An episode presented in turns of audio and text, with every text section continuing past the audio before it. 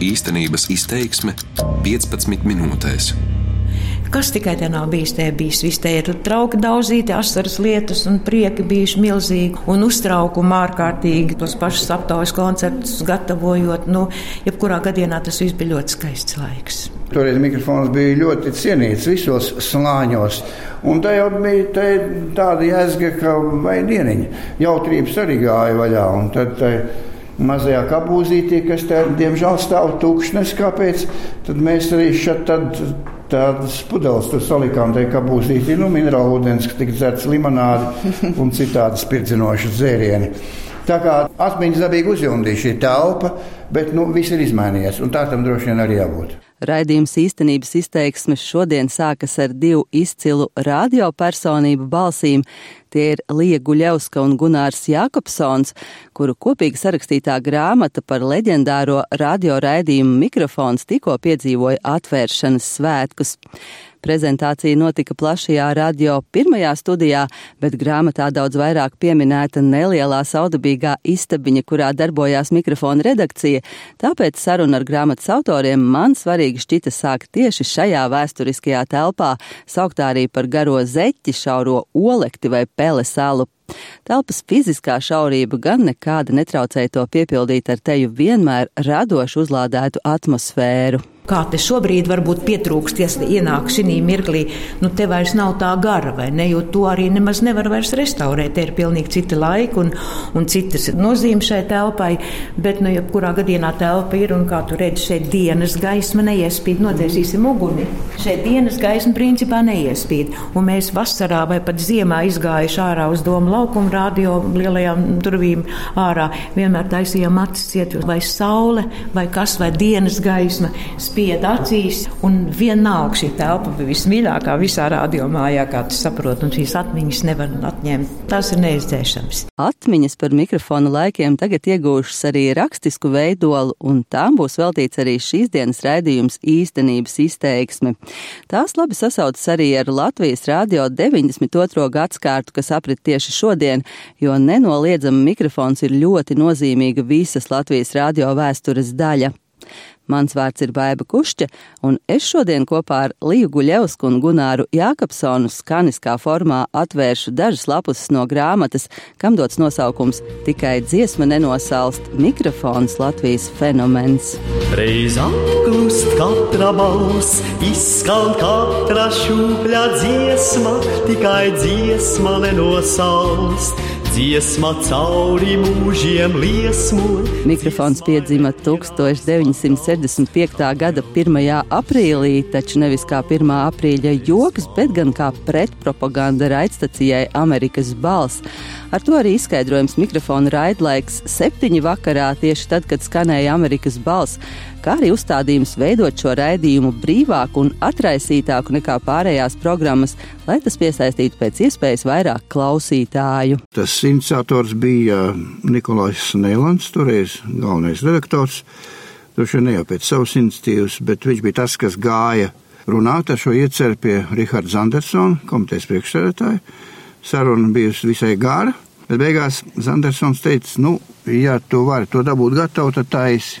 Nu, un tad viņš sāk it kā pulcināt ap sevi viņa prāt labākos Latvijas radio žurnālistus. Atnāca šeit strādāt no ziņām Grigoris Mersons, kurš, starp citu, ir mikrofona nosaukuma autors. Atnāca Konstantīns Kristaps, droši vien tāpēc, ka viņš strādāja sporta redakcijā. Tas tomēr kaut kas tāds attraktīvāks, druscīt, un vairāk ar dzīvo vārdu ir saistīts ēterā. Toreiz tas bija diezgan neparasti, izņemot sportu. Nu, un tad aicināja vasarā arī mani uz mikrofonu. Es, protams, pirināju ļoti pretī, jo es biju jau visai iestrādājies komentētājs, un arī kā diktors strādāju nu, gadus desmit gandrīz laikam. Un es toreiz biju tā sasparojies visu mūžu nostrādāt par diktoru, par komentētāju.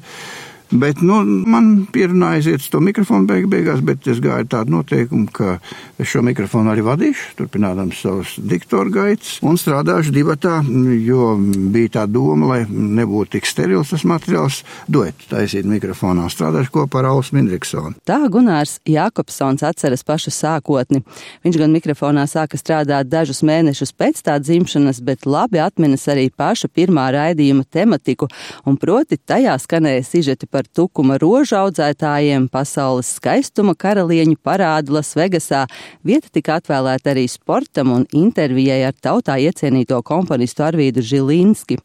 Latvijas radiofonotēka glabā pirmā raidījuma redaktora Konstantīna Kristapa stāstu par jaunā raidījuma mērķiem. Vajadzēja mikrofona 65 mutē ielikt to, kas interesētu visus - jaunus un vecus, strādniekus un laukļaudis, optimistus un pesimistus. Vārdu sakot, lai būtu rezonance. Rezonances gan tik drīz nemaz nebija.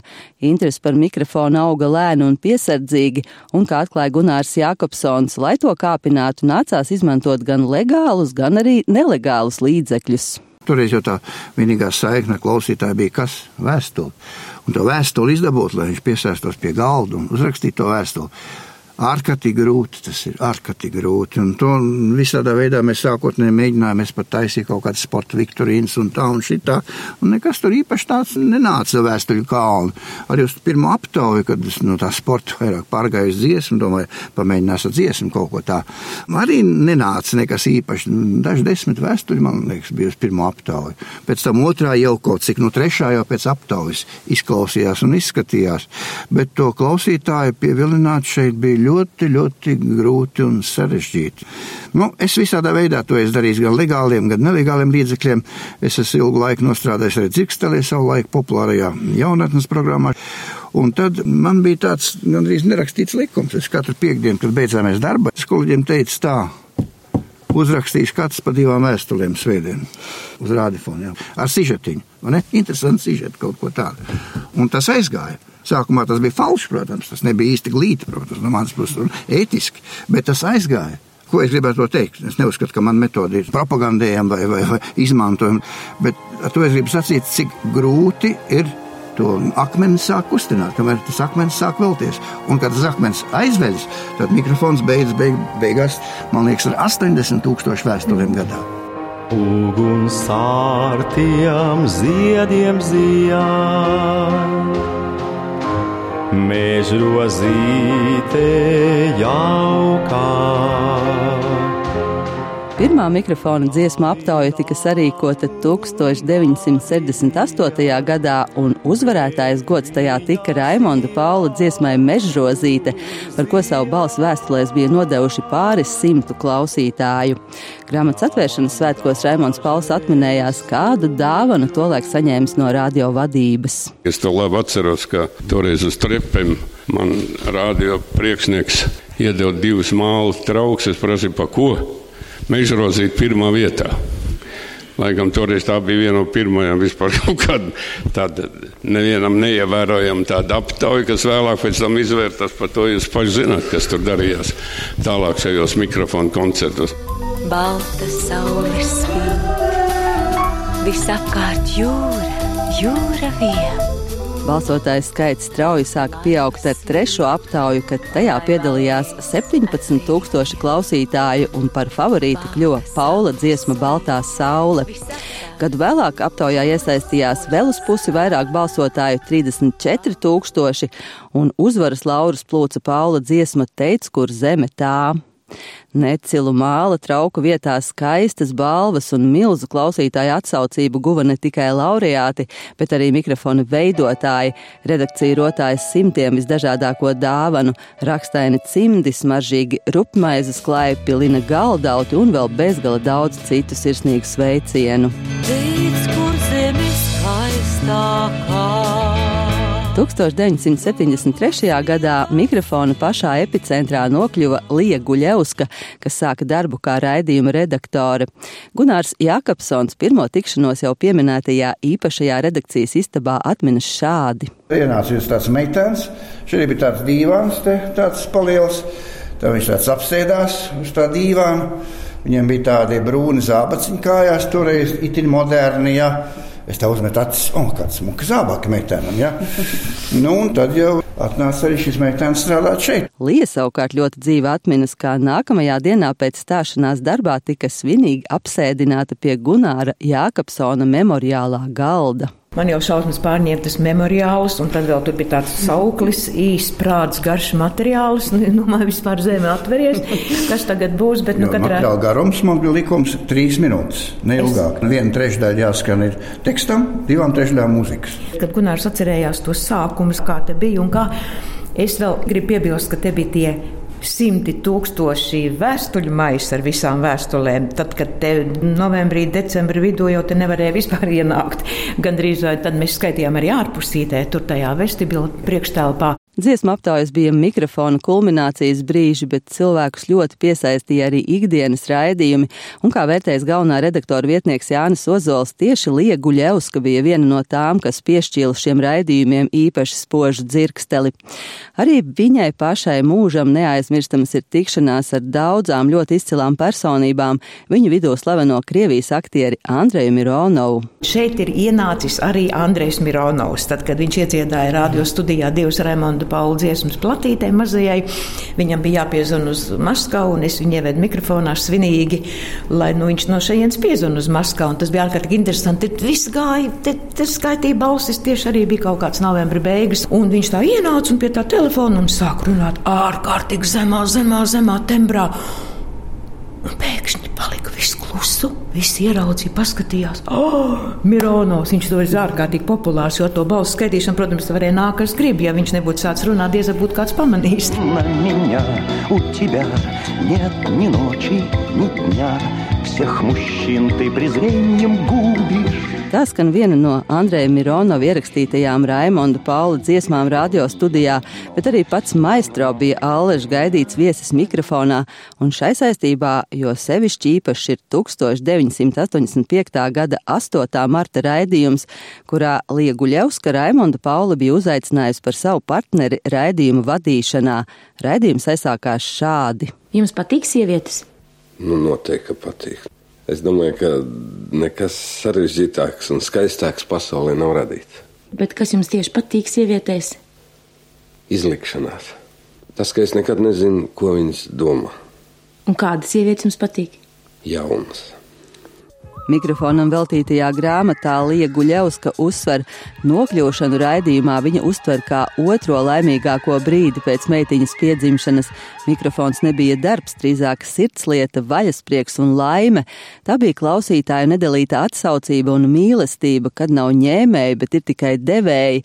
Tāpēc arī grāmata būtībā vēsta par mums visiem. Īsnībā mēs bijām visi viens. Mēs raidījām klausītājiem, klausīja rakstīja mums atpakaļ par sevi. Tur jau bija tā lielā mikrofona, tas bonus. Pasakot ļoti lielu paldies Latvijas mēdījiem, ka viņi mūs uzrunāja šo grāmatu radīt. Es gribu pateikt paldies arī visiem saviem kolēģiem, kur paši rakstīs šīs atmiņas. Arī bez mums ar Gunāru šeit ir 51 cilvēks vēl izteicies. Kāda kripatiņa šeit ir iekšā no katra, un tāpēc tas mikrofons arī, es domāju, tagad jau pēc šīs grāmatas iznākšanas nepazudīs nekur kaut kādos, teiksim, atmiņu labirintos, bet būs grāmatplauktos, būs lielajā bibliotekā un tā tālāk un tā tālāk, un mikrofons dzīvo. Es gribētu lūgt jūs ierakstīt autogrāfus grāmatā, un kamēr jūs to darāt, arī izstāstīt, ka es pati arī savulaik biju ļoti uzticīga mikrofona klausītāja. Toreiz dzīvoju laukos, un tas bija tāds ikvakar rituāls. Atnācu no skolas, izmācījos, un tad bija mikrofons. Tā kā liels paldies no manas puses arī par šiem brīnišķīgajiem raidījumiem. No manas puses arī līdz 73. gada. Nu, rudenim jāsaka, es arī biju ļoti uzcītīga mikrofona klausītāja un neaizmirsīšu nekad, kā pirmo reizi izdzirdēju mežrozīt atskanām. Tas bija kaut kas tik brīnišķīgs, tik nedzirdēts, tik, tik, tik, tik skaists.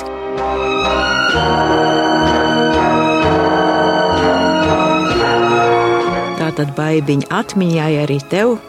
Jā, radio dienā īpaši. Tad brīnišķīga diena man pieņēma mikrofonā 1. novembrī. 1973. gada 1. novembrī mani pieņēma mikrofonā. Tā vēl nebija radio diena Latvijā, bet redz, kā iznāca ar laiku. To tomēr atzīmē kā Lintera radio dienu, nevis kā Popova radio dienu, kā tas ir Krievijā, kas bija 7. maijs. Tā kā es tā ļoti simboliski arī uzskatu šo dienu, 1. novembris. Man ir liela svētku diena. Jā, nu, tā kā šodien ir radio diena, man arī tie ir lieli svētki, tad man gribētos cerēt, ka šī grāmata par mikrofonu būs arī stimuls mūsu kolēģiem, jaunajiem, vecajiem kolēģiem, sākt ausīties un domāt par grāmatu, kas būtu veltīta Latvijas radio simtgadēji. Es domāju, ka mēs visi, visa Latvijas tauta to būtu godam nopelnījusi. Lai šis teiktais no Gunāra mutes dieva ausī, un pēc astoņiem gadiem, 1. novembrī, arī rādio ēterā varam iepazīstināt ar jauniznākušu un izsmeļošu grāmatu par visa Latvijas radio vēsturi. Ar šo vēlējumu arī izskan raidījums īstenības izteiksme, to veidoja Baiva Kušķa un Uldis Grīnbergs. Darbības vārds īstenības izteiksmē izsaka darbību kā realitāti tagadnē, pagātnē vai nākotnē, vai arī to noliedz.